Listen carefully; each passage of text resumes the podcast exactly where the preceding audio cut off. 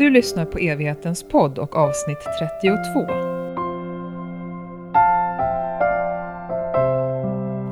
Dagens gäst är lite av en lokalkändis, i alla fall för dig som har för vana att lyssna på Sveriges Radio P4 Uppland. I mer än 20 års tid har vi kunnat höra hans glada, stabila stämma och hela tiden har ett mörker legat och vilat därunder. Nu har denne man tagit bladet från munnen och börjat prata om sin psykiska ohälsa och ångest. Ett samtal om kontrollbehov, om att våga söka hjälp och vad det kan ge att berätta hur man egentligen mår. Välkommen till evigheten i Uppsala, Bosse Pettersson. Tack snälla Johanna. Du, eh, vad känner du när du hör den här presentationen? Först så blev jag alldeles så varm och svettig och sen så blev jag nästan lite tårögd tror jag också av... Eh, det känns som att man pratar om en annan person helt plötsligt. Och hur, hur kan det komma sig, tänker du? Jag tror att jag... Eh, alltså att jag väljer just nu att inte vara den personen, utan nu är jag här. Det låter jättekonstigt, men jag tror att det handlar om att det har inte varit ute så länge och jag har liksom inte berättat för så många innan och då tror jag att det tar tid att komma in i det. Även om jag själv har gått och funderat väldigt länge på att berätta om det här så tar det ju ändå tid att hantera det, liksom, att det outats helt enkelt. Att det också är din historia Ja. och att det är fler som vet om det nu. Ja, så, så var det ju från början. Jag vet inte hur folk ska reagera, även om man pratar mycket om att man ska prata om det. Jag pratar gärna om, jättemycket om det, jag har inga problem med det. Men inte om mig själv kanske. Vi kommer komma in mer på detta såklart. Du och jag har jobbat ihop i flera år när jag har producerat olika radioprogram som du har varit programledare för. Bland annat Ring in-programmet Karlavagnen i Sveriges Radio P4.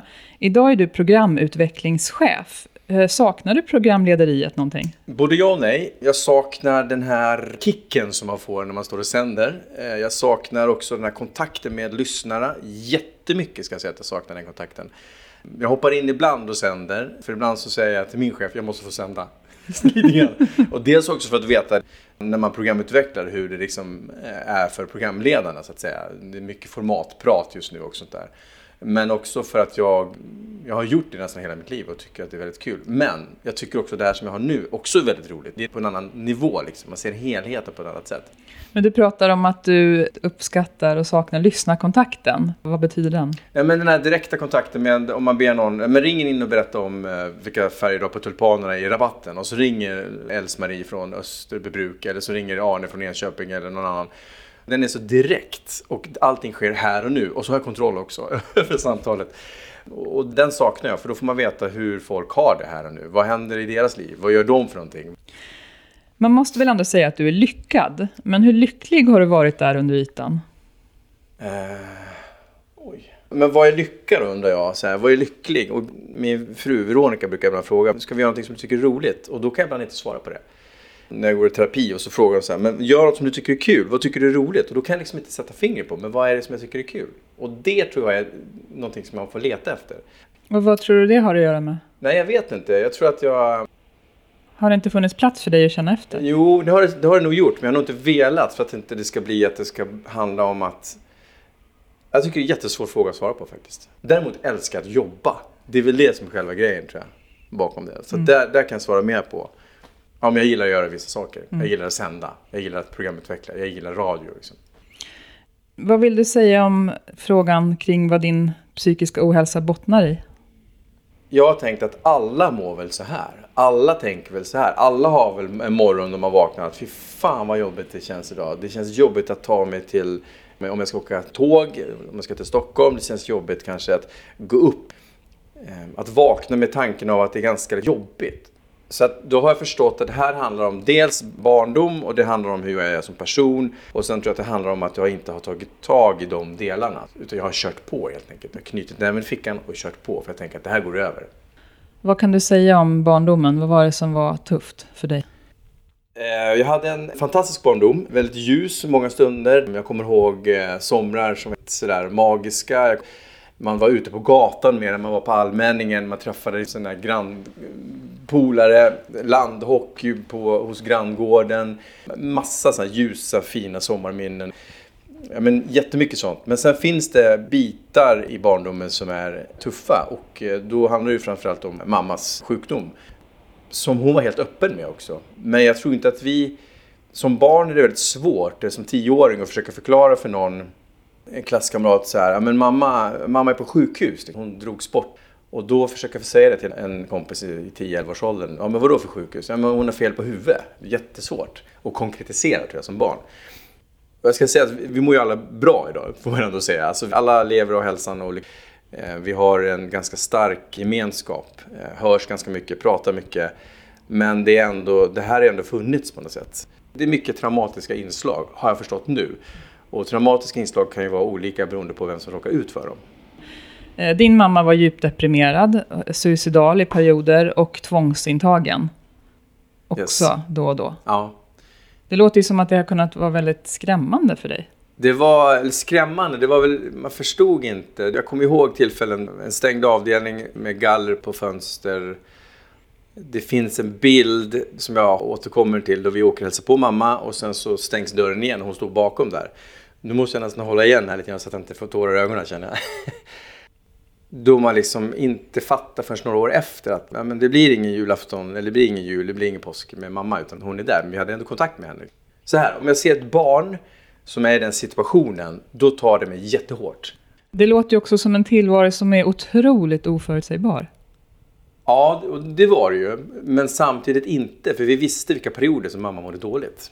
Och det brukar vi skoja om. Det var typ eh, höst, jul, lite vår och, några, och så. Ganska var, ofta. Ja, ganska ofta. Det var ju på sommaren som hon mådde bäst. Och vi har ju pratat mycket om det här. Jag har skrivit ner och nästan jobbat som en journalist för att få veta. Stämde den här händelsen? Ja, men det stämde. Okej, jag var med om det. Ja, men du var med om det. Men um, det var ju tillfällen då hon var tvungen att låsas in och tillfällen då hon själv begärde om att bli inlåst. Men det blev en vardag och jag tror att det är väldigt många som har det här. Men om man har alkoholiserade föräldrar eller man har bara det må vara så anpassar man sig som barn. Och det är det som är så fantastiskt på något sätt att man gör det.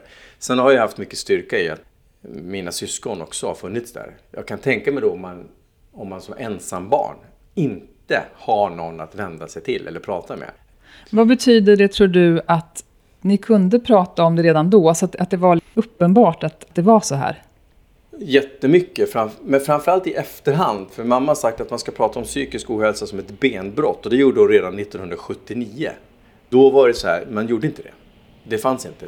När någon hamnade på Ulleråker eller på Akademiska, liksom, man pratade inte om det. Och på vad sätt har det varit viktigt för henne tror du? Jag tror att det har varit superviktigt för oss barn, underlätta för oss barn också. Men att det, det, inte ska vara skam runt ja, det? Ja, precis. Och även om man säger att det inte är skam, så kanske det inte är skam, men man snackar inte om det. För man fattar inte. Man förstår inte vad det handlar om. Mm. Jag tror att det är det stora grejen. Nej, det syns ju inte. Nej, det gör inte det. Det märks, men det syns inte. Mm. Inte alltid. Om du kunde hoppa till den här pojkkroppen Bosse, typ tio år gammal. Vad skulle du liksom vilja säga till honom med ditt vuxna jag? Nej, men jag tror att jag skulle säga till honom, kom ihåg att skriva på en lapp att när du är 25, se för fan till att gå i terapi. Vänta inte tills du är 45 eller 40. Man tänker väl så här, ja, men det här är väl inget, det här har väl alla varit med om. Mamma som kanske blir inlåst eller de här händelserna som, och jag har förstått i efterhand att nej, men det har inte alla varit med om. Och det behövdes någon som sa det. Det här är ganska tuffa grejer. Vem blev din pappa i det här? Pappa blev en superpappa. Han fick liksom ta hand om oss syskon. Mamma gjorde ju också det såklart. Eh, men han fick ju ja, men helt enkelt vara hemma. Jag tror första svängen, då var ju mamma borta tror jag. Sju, åtta veckor kanske. Om jag kommer ihåg rätt. Det var ganska länge.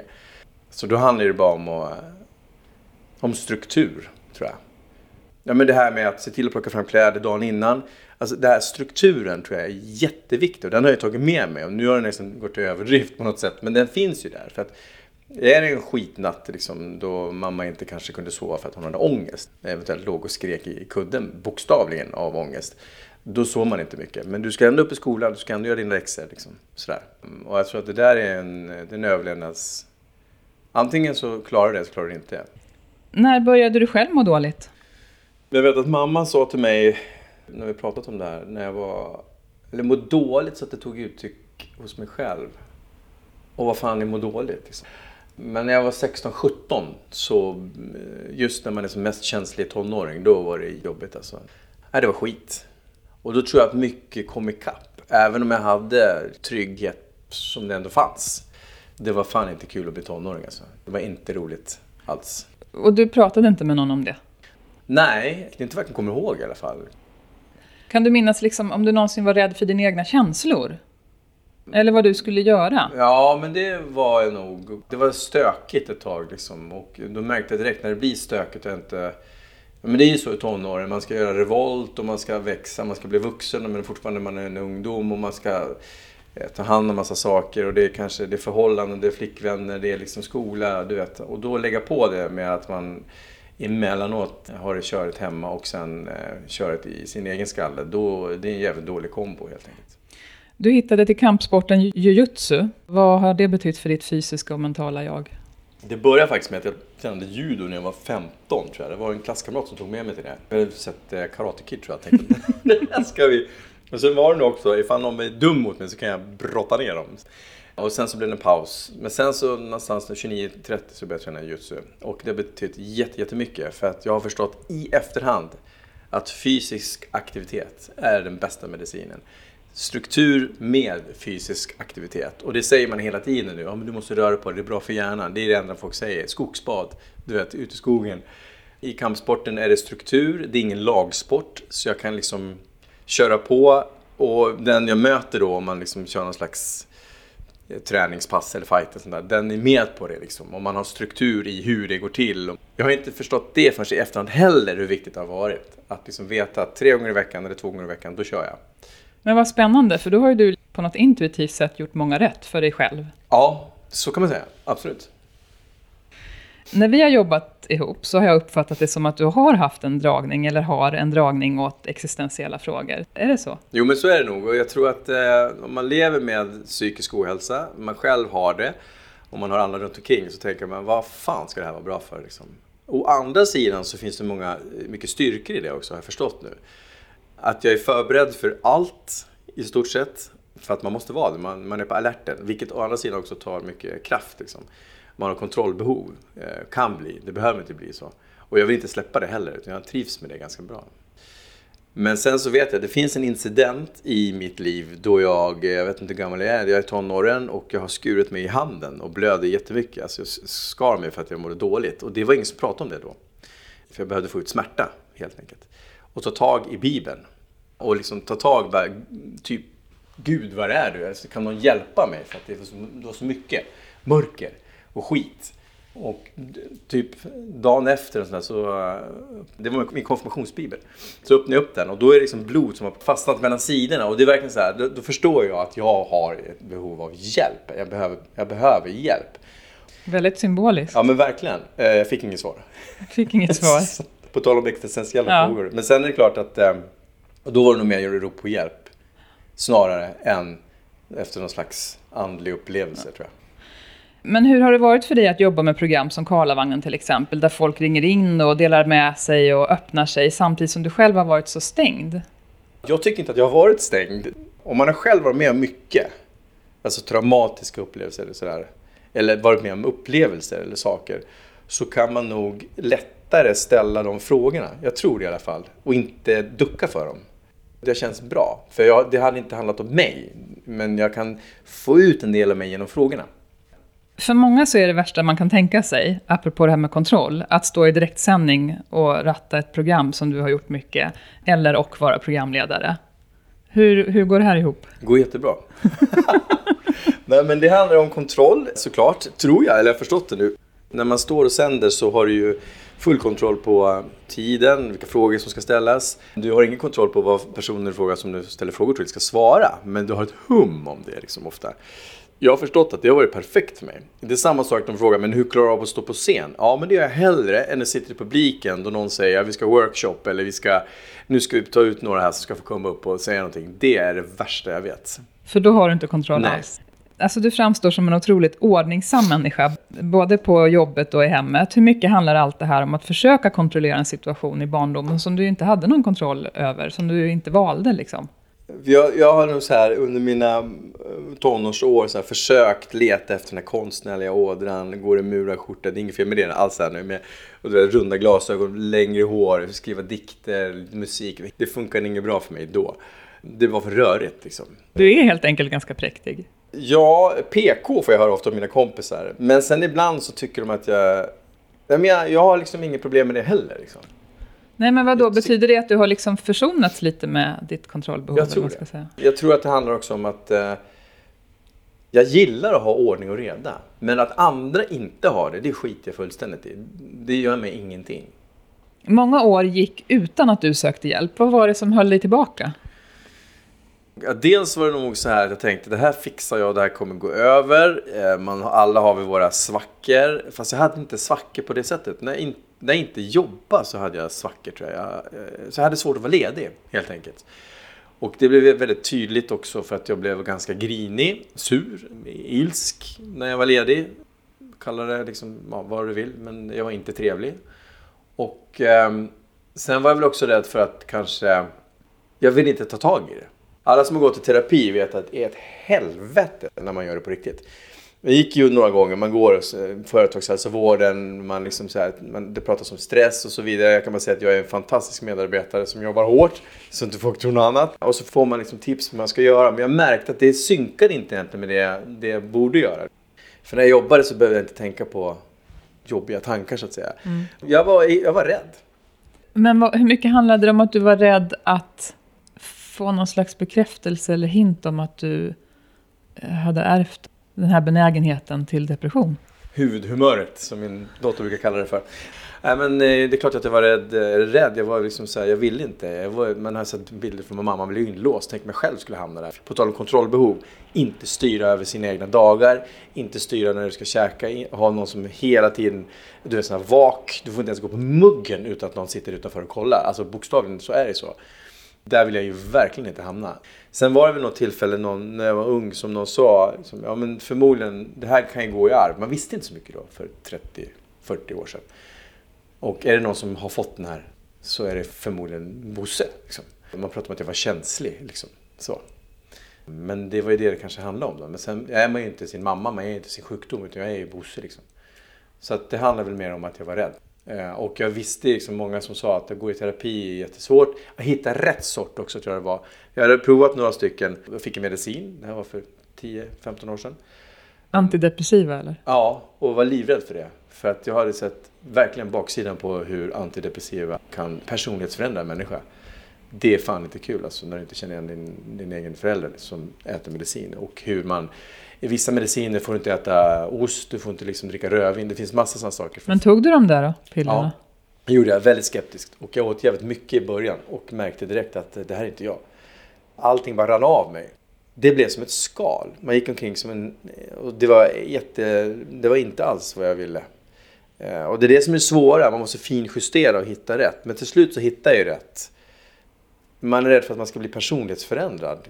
För samtidigt i det här, i den här psykiska ohälsan, det psykiska hälsotillståndet, så finns det en kraft som är enorm, i alla fall hos mig. Jag hämtar jättemycket kraft i det här mörkret som jag pratar om. Och det tror jag att man måste komma ihåg. Eh, jag har lika mycket att tacka för hur jag är och hur jag mår som inte. Det gäller bara att hitta hur jag hanterar det. För så här är det, det spelar ingen roll hur många terapitimmar man går eller hur mycket man snackar om det. Du sitter fortfarande själv på huk i det här mörka rummet. Det är alldeles svart vissa gånger. Liksom. Och då måste du bara hitta ett sätt att acceptera det. Så här är det ibland. Vad var det som fick dig att söka hjälp, alltså prathjälp till slut? prat, prat igen. ja, men inte, ja, inte men medicin. Det var, det var faktiskt Veronica, min älskade fru, som sa lite sådär. Hon är ju världens eh, finaste människa. Hon eh, sa, du måste söka hjälp nu, för det kommer inte funka mellan oss annars. Eller mellan oss. Det, alltså, det, här kommer, det går inte längre, jag pallar inte mer. Och när hon säger en sån sak, då var det bara att göra det. Det här var för, måste varit 10-12 år sedan tror jag. Och då förstod jag, okej. Okay, alla har inte så här. Alla har inte de här upplevelserna. För de anhöriga, i, när man lever med någon som har psykisk ohälsa, så är de anhöriga oftast glöms bort i det här. För det är oftast den som är drabbad som, som får hjälp och får uppmärksamhet och så vidare. Eh, men det har jag märkt från min egen uppväxt att anhöriga behöver också lika mycket stöd och hjälp. Liksom. Vad tror du det betyder att du själv ju har varit anhörig? Jättemycket. Ja, för jag, jag, man kan se båda sidor, men man lyssnar inte på den anhörigsidan när man själv mår dåligt. Riktigt. Nej. Det har betytt... Eh, för då kan jag förstå mer. Men när mamma sa att när, man går, när hon pratade om att gå i terapi och samtal, så jaha, ja, det är väl inget mer med det. Men när jag själv har gjort det så har jag det var ju tillfällen när jag nästan har spytt. Alltså, så jobbigt har det varit. För man har tryckt ner 30 års liksom, jobbighet som måste upp. Och det är ett helvete om man hittar rätt. Men du måste hitta rätt person. Men ja, precis. För, för att för 10-12 år sedan då så sa Veronica sådär. Och vad hände sen? Jag menar, det, det är så mycket som ska stämma. Det ska vara en metod som du ställer upp på. Du kanske hade svårt att lita på människor. Och så ska det vara en liksom, personkemin stämma. Hur lång tid tog det att hitta rätt för Nej, dig? men jag hittade ju rätt då. För fick jag, då fick jag hjälp och fick lite sådär vad det handlade om. Och fick, började gräva lite grann. Men jag var inte redo själv då. Eller jag ville inte ta tag i det då. Eh, sen så var det väl några gånger då jag försökte, liksom, man försöker självmedicinera så tillvida att det blir hårdare och hårdare struktur för min egen del. Det ska vara på ett visst sätt, muggen ska stå på ett visst sätt, jag ska träna de tiderna. Även om jag inte vill så ska jag träna. Alltså, till slut så går ju inte det. På tal om det här med lycka. Då njuter jag inte av livet. Nej, det låter också som att du nästan bestraffar dig själv. Ja, men lite sådär. Jag ger inte utrymme för bara spontanlek. Och det påverkar såklart anhöriga när man kommer hem. Och ni alla vet som har barn eller tonåringar när man har sagt åt dem, kan du plocka ur diskmaskinen tills jag har kommit hem? Och, de, och man kommer hem och de har skitkul, spelar tv-spel eller hänger med polarna och så kommer farsan in och bara... Och då pratar vi inte om tonårspappa som blir arg utan då blir det rejäl avhyvling. Och sen blev jag så arg så jag tog bilen och åkte därifrån. Över att man inte plockar ur diskmaskinen. Där började jag förstå, det här är inte bra. Sen så gick det väl några år, fem, sju år, då jag tyckte att ja, men det här är väl okej. Och jag hade tänkt väl att jag skulle hitta någon. Men till slut så gick jag till en vårdcentral. De sa, du mår inte bra. No shit, sa jag. Du ser alldeles för, hur tyckte de det? Välfungerande ut. Men du måste ta hjälp, annars så kanske du inte finns kvar. Liksom. Typ så. Alltså du, det var så illa. Liksom. Oj, och hur reagerade Ja, men- du på det? Nej, men inte finns kvar. Men de menar du måste ta hjälp nu. Och då fattar jag. Liksom. Nej, men då var det så här, okej, hur har du liksom ekonomiskt? För du, du kommer inte få hjälp på en gång. Utan, och det fattar jag med. Jag vill, alltså, de som verkligen har, som, har det kämpigt, som inte har något jobb och inte någon bostad, eller vad, vad det kan vara. De behöver hjälp först, som tänkte jag.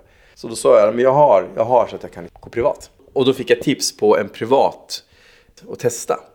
Och sen så hörde jag av mig och sen så prickade jag rätt ganska snabbt. Och där är det, superviktigt att hitta rätt person.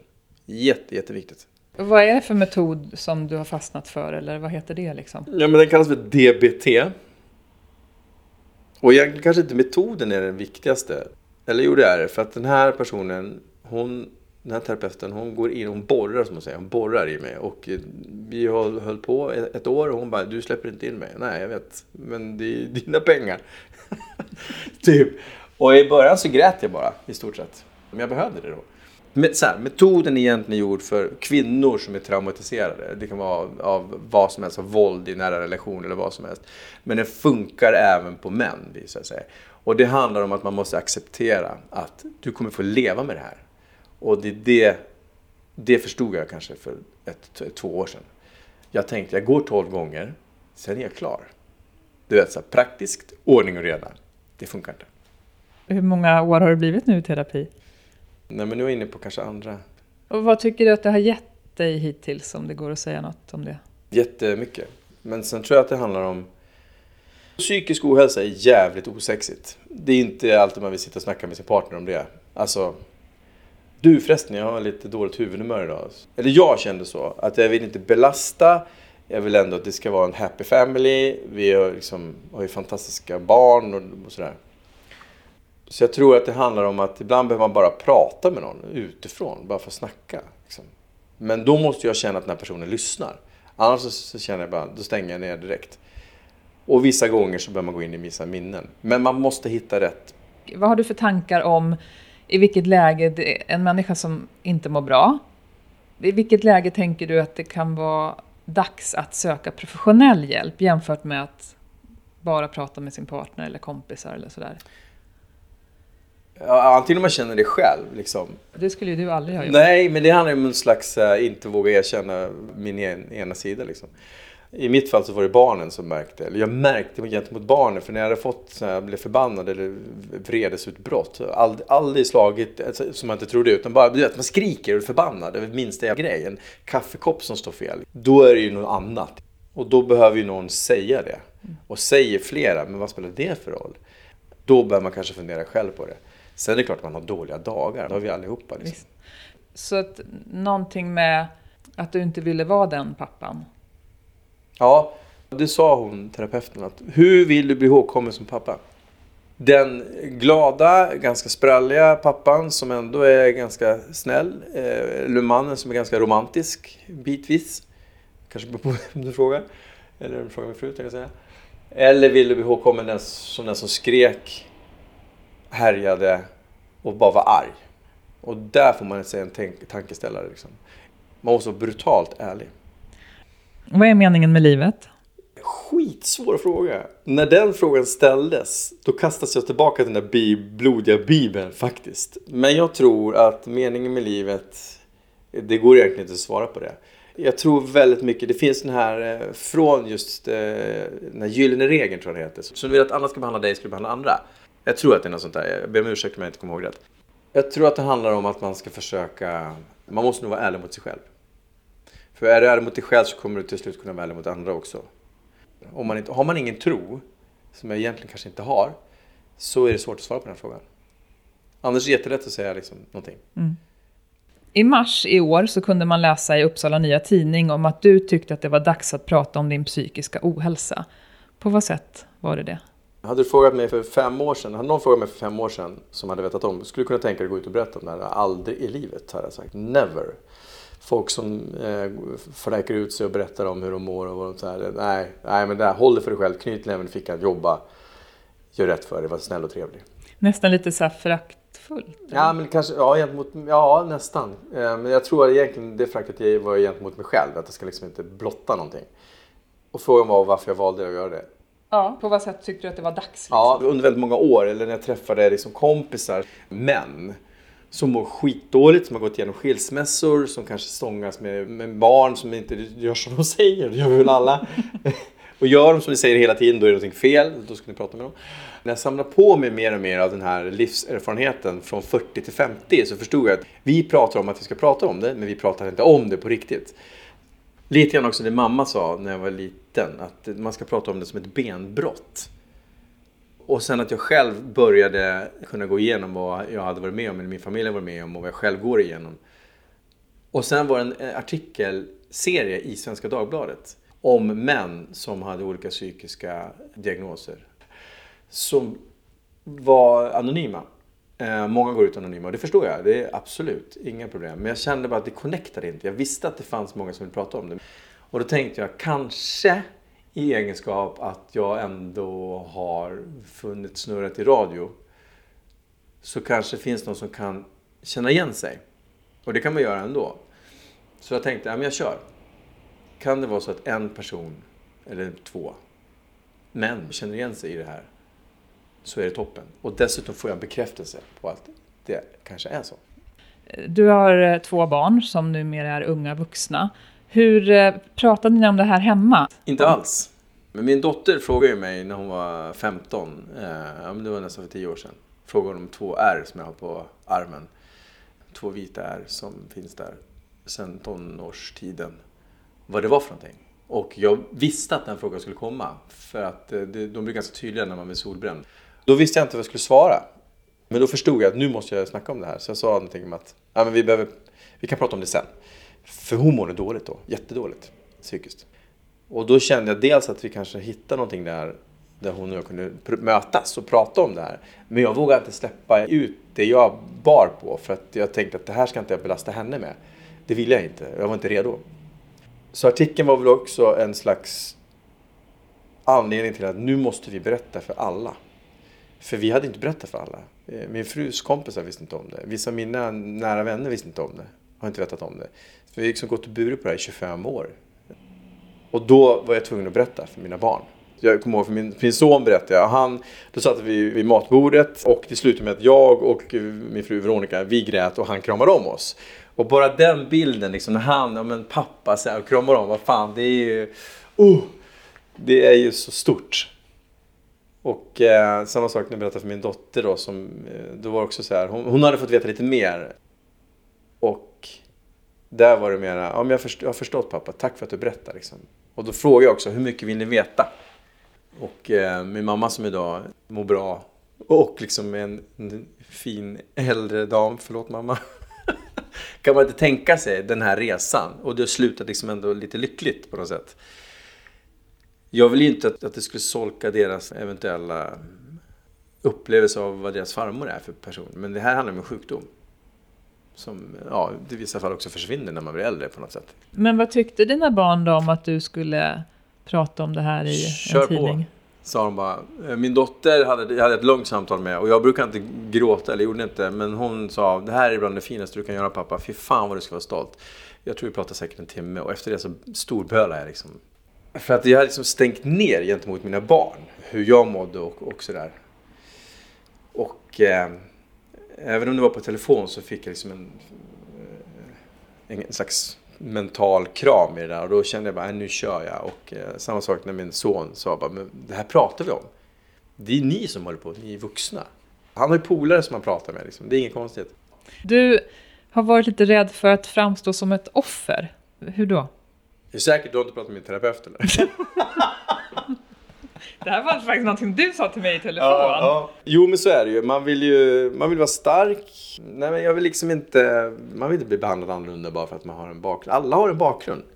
Men har man en bakgrund och man talar om den och det kan hjälpa någon annan att ta tag i sin egen bakgrund så är det så. Sen är det klart att vissa månader vaknar man och känner sig som ett jävla offer. Liksom, självkänslan är totalt superlåg. Man tänker hur fan ska jag liksom, hämta upp idag? Liksom.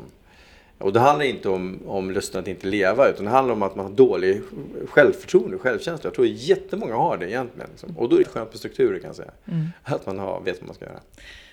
Du har fått en helt otrolig respons mm. efter att ha pratat det här i Uppsala Nya Tidning och även i P4 Uppland. Vad då för respons?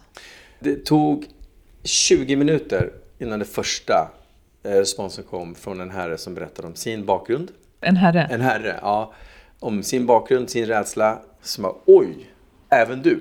Framgångsrik. Väldigt framgångsrik.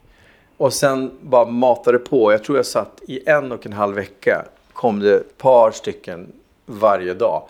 Dels på min mail, dels på såklart sociala medier. Men som hörde av sig och kände igen sig i det här, den här aggressionen. Att man blev förbannad för ingenting. Liksom. Och eh, bland de finaste var en, en herre som skrev att nu har jag läst artikeln, tack snälla för att, typ, att du går ut och berättar det här. Nu ska jag sätta mig vid frukosten, ta en kopp kaffe och nu ska jag och min fru ta tag i det här. Och sen var det en annan som, ja men jag tränar också kampsport, jag vet precis vad du pratar om, jag behöver också göra det här. vad går du någonstans? Vilken form av terapi kör du? Någon som sagt, tack för att du går ut och berättar det som ändå är offentlig, så konstigt ord, men ändå går ut med vem du är. Liksom. Det var en före detta klasskamrat som du stötte på. Ja, och det där var också väldigt fint faktiskt. Eh, han eh, sprang fram till mig, vi hade hejat på varandra, vi hade inte setts på 30 år. Så stannade han bara upp mig och så sa han, du, alltså jag hade ingen aning.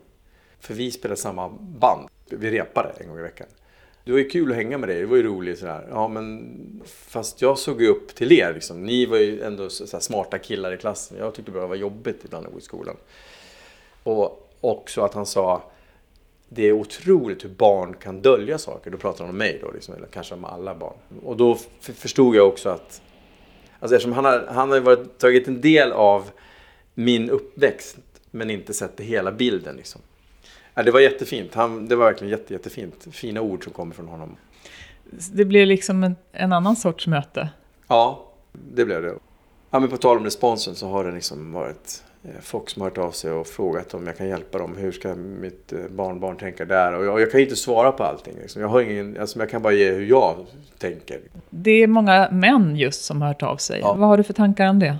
Nej, men jag tror att det finns ett behov och, och jag kan inte... Det är inte klart alltså det är ju många före mig som har gjort jätte, jättemycket och många efter mig som ska göra det också. Någon måste hela tiden gå ut och berätta. Man måste fortsätta med det. Men det handlar också om att man måste vara redo för det också. Det, det är mm. inte bara att göra det. Du måste också du har en mottagare också någonstans. Det är kvinnor som har hört av sig som känner igen sig i sin partner. Ja, det är det. Hur då?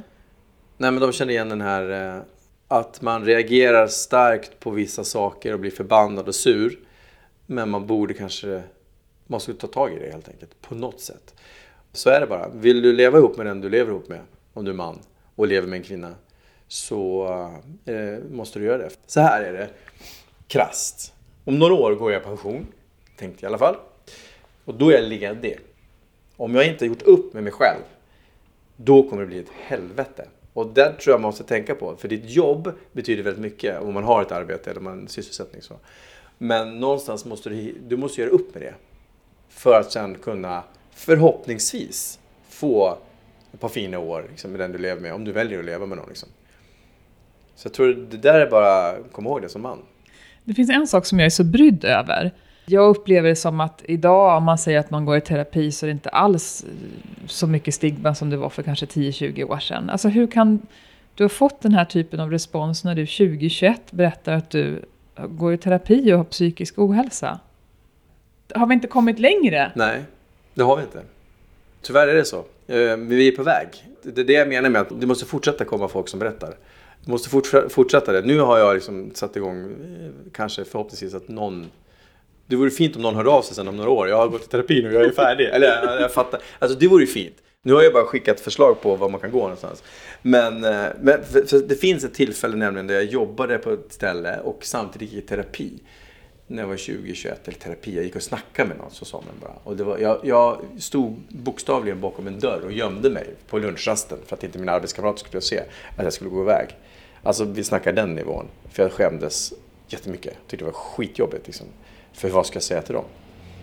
Och, vi, och vi, vi måste fortsätta. Och prata och prata och prata. Hur mycket handlar det här också om att fatta, dels att våga be om hjälp som du gjorde till slut, påhejad av Veronica. Men också att fatta att man måste göra jobbet själv. Jättemycket. Alltså, och jag, jag, har inte haft en olycklig barndom. Jag har haft eh, perioder som har varit jävligt tuffa. Och sådär. Jag har haft en fin barndom. Liksom. Det vill jag liksom verkligen markera och säga. Och att familjen nu liksom är hel efter alla år. Och det är det som är fina i det här. Liksom. Men sen är det så här. Jag körde ju den varianten att jag gick till någon och pratade lite grann och så gick jag därifrån. Inget eget jobb. Liksom. Nu, de senaste åren har jag gjort det. Och det är så, du sitter med svaren, du som person. Du kan inte och du måste vara redo för det också. Nu kostar det en del pengar, vilket eh, man borde... Alltså, jag är inte politisk sådär, men det är ganska dyrt att hitta rätt. Och jag vet att de kämpar inom vård liksom, med den mentala hälsan hos folk. I vissa länder är det till och med gratis. Men det jobbet måste du göra själv. Jag trodde aldrig att jag skulle få en fysisk reaktion på någonting jag berättade från min barndom. Så kan jag säga. Det var som ett träningspass. Det trodde jag aldrig att jag skulle få uppleva. Du går fortfarande i terapi. Blir man någonsin klar? Det tror jag inte. Och jag har förstått det nu. Det blir man ju inte. Men terapi behöver, man går i samtal, man går och snackar med någon. Det är liksom, terapi är så jävla laddat ord. Framförallt när jag själv hör och tänker på hur, när mamma gick i terapi. För en del tänker svagt, offer, du vet. Man går och snackar med någon. Och eh, det behöver nu alla göra. Och som sagt, i vissa länder är det ju fritt. Och de länderna mår nog bättre. Den här Bosse som vi har hört i radion i så många år, som har låtit så glad. Är det liksom en roll du har spelat eller är det också du? Nej men det är jag, absolut. Så är jag. Jag har nära till skratt. Det är verkligen inte någon annan. Det går inte att vara det för då blir det ju... Det märks med det jobbet. Liksom. Mm. Det där är verkligen jag. Du uppskattar mycket svart humor. Ja. Hur då? Nej men eh, både, både mina syskon och jag och brorsan och, och mamma här, vi kan dra lite skämt. Som är av mer grövre psykologisk psykiatrisk karaktär sådär. Men det kan vi göra för att vi liksom har försonats på något sätt. Ja, men jag har Jan Stenmark en stor favorit, vilket jag inte tyckte för några år sedan. Då tyckte jag han var deprimerande. Men nu förstår jag mig själv mera. Jag förstår liksom hur det där funkar. Så han är helt underbar. Jag fick två tavlor när jag fyllde 50 förra året med Jan Stenmark. Varav den ena, det är verkligen eh, jag och Veronica. En dag ska vi alla dö, säger den ena personen. Och så säger den andra, ja men alla andra dagar ska vi inte och det där behövs ju också att tänka på ibland. En ganska rak humor liksom. Mm. Livet är fan inte lätt alltså. Vad vill du säga till den som själv mår dåligt men inte vågat berätta det för någon och kanske inte sökt hjälp? Inte berätta för vem som helst. För du har en mottagare som ska ta hand om det du berättar. Men du bör berätta, du ska berätta för någon. Ja, det här inte berätta för vem som helst. Vad är, vad är det man behöver göra, sätta upp för spelregler så att säga? Nej, men du behöver ändå kolla liksom, lite så här, visar du min så visar jag din. Eller tvärtom blir det då. alltså man måste känna av. Man brukar prata om det när man blir äldre. Jag har ju en slags eh, ynnest av att ha väldigt, väldigt fina vänner. Men även om man har det så kanske man inte vill berätta allt. Märker man att man mår så dåligt, då måste man ju prata med någon. Och du får inte ge upp om du stöter på patrull. Om du söker vård inom vården så att säga. Så får du inte ge upp. Jag vet att det låter tufft. Problemet är bara när du mår bra, det är då du orkar söka hjälp. När du mår dåligt, då söker du inte hjälp. Om du inte har någon som pushar på liksom. Mm. Men eh, du kan börja skriva ner. Det har jag gjort. Det har jag gjort sedan jag var 14, 15, 16 tror jag. Hur du mår. Lite grann som en matdagbok. Det här har jag ätit idag. Skriv kort, rita. Och märker du när du går tillbaka, den här killen, den här tjejen mår inte bra alltså. Då kanske du behöver liksom... Att, att, det blir som ett sätt att se på sig själv utifrån? Ja, du måste liksom... Och så måste du vilja själv också. Mm. Och man vill inte ha hjälp. Vad har det betytt att Veronica, din fru, har funnits där hela tiden? Min dotter har sagt så här. Jag vill också ha en Veronica. Det säger väl egentligen allt tror jag. Ja. Vi alla människor är olika och det gäller att den man träffar ser igenom eh, skalet tror jag. Och eh, det här klassiska, man ska älska varandra för det man är. Så här. Men det är, ja, men hade det inte varit för Veronica så hade det liksom inte varit så bra. En stöttepelare och det behöver ju alla ha. Och det behöver inte vara en partner, det behöver en människa. Liksom. Du klarar det inte själv. Hur mår du idag? Eh, pratar om idag idag? Ja, du får tolka det som du vill. Ja. Jag mår bra. Det är, vissa dagar är ju tuffare än andra, men jag, har ju liksom, jag vet vad det beror på. Jag tror att det är det stora. Det är det viktigaste som jag har lärt mig av genom de här åren. Sen vet jag inte om man blir äldre, man får prata med folk att ibland mår du dåligt. Okej, vad gör du då? Om du märker att du mår dåligt, om du vet vissa situationer som du kommer må dåligt i, safea upp dem liksom. Jag har grupper i sorgbearbetning och då brukar man säga att sorg går i vågor. Mm. Och att när man vågat, orkat, kunnat få tillfälle att bearbeta det på något sätt, eller som du då som har gått i, i terapi, det kommer fortfarande vara vågor, men de är lite mindre kraftiga. Och att när man ramlar ner i det där hålet så vet man att jag har, jag har kommit upp tidigare. Jag har varit här förut. Ja, jättebra. Precis så är det ju. Det intressanta är att du pratar om, om sa du hål eller grop? För att jag har nämligen ritat själv, när jag inte orkar skriva hur jag mår. Då finns det bland annat en bild jag har ritat, en streckgubbe som står i en grop. Och den gropen är så pass låg, jag kommer inte upp, jag liksom kommer inte upp på kanten riktigt. Men jag vet att livet fyller på snart lite grann och då, då som en slags vatten. Så då kommer jag upp lite grann och så kan jag kravla mig ur den där. när du hamnar där, då måste du ta reda på hur tar jag mig upp. Och ibland är det bara så, det är en sån här dag. Och då får det vara så. Var i ligger hoppet? Hoppet ligger i att jag har fattat att eh, jag har en enorm styrka i den psykiska ohälsan som jag har. I de här mörkaste perioderna så är jag mest som mest eh, kreativ för att ta mig ur dem. Liksom. Och hoppet ligger i att ju mer jag känner om mig själv. Det är kanske är det som är meningen med livet förresten. Att lära känna sig själv. Som att du är mer sams med dig själv på något ja, sätt? Ja, acceptera mig själv. Just det. Och hur vill du bli ihågkommen när du inte vandrar kvar här på jorden längre? Det är ju egentligen upp till andra att svara på faktiskt. Men man önskar ju i alla fall att man kanske har gjort några bra grejer. Och jag vet att det låter hemskt, men ibland hoppas jag att mamma får sova sen. Så man inte behöver leva ett liv till. Han förstår mig rätt. Och det tror jag att man ska tänka på. Hur vill du bli ihågkommen? Liksom, när man möter någon eller när man tänker hur man säger saker och, ja, eller vad som helst. Liksom. Varför ska man tänka på det? Det som lever kvar innan, som när vi lever nu, det är knappt så att det finns gravstenar. För kanske mer, nu vet inte jag, där kan du bättre än jag. Då gick man till en gravsten, jag gick till min farmors gravsten och liksom kunde tänka på farmor. Men det gör jag inte nu. Nu, är, nu har det flyttat så det blivit digitalt istället. Liksom. När folk går bort nu så kanske det finns massa bilder i, som alla kommer åt att se. Och då, då blir det en påverkan. När det inte fanns, då var det den bilden du själv hade inom dig. Hur du upplevde den här personen som har gått bort. Men du sa någonting men, om att du gärna skulle bli ihågkommen för några bra grejer du har gjort. Vad kan det handla om? Nej, men att jag, man hoppas ju det här klassiska att, att ens barn har fått bra värderingar, att de är schyssta i sin tur. Även om man bär på en historia som en bitvis kan vara tung så har man ändå, det är inte det man vill bli ihågkommen för.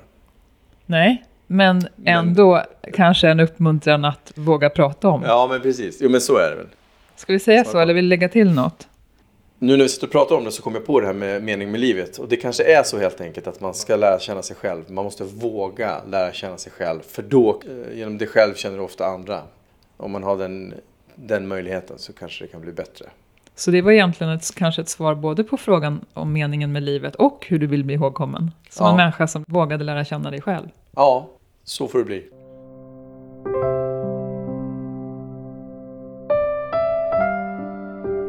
Det berättar Bosse Pettersson här i evighetens podd.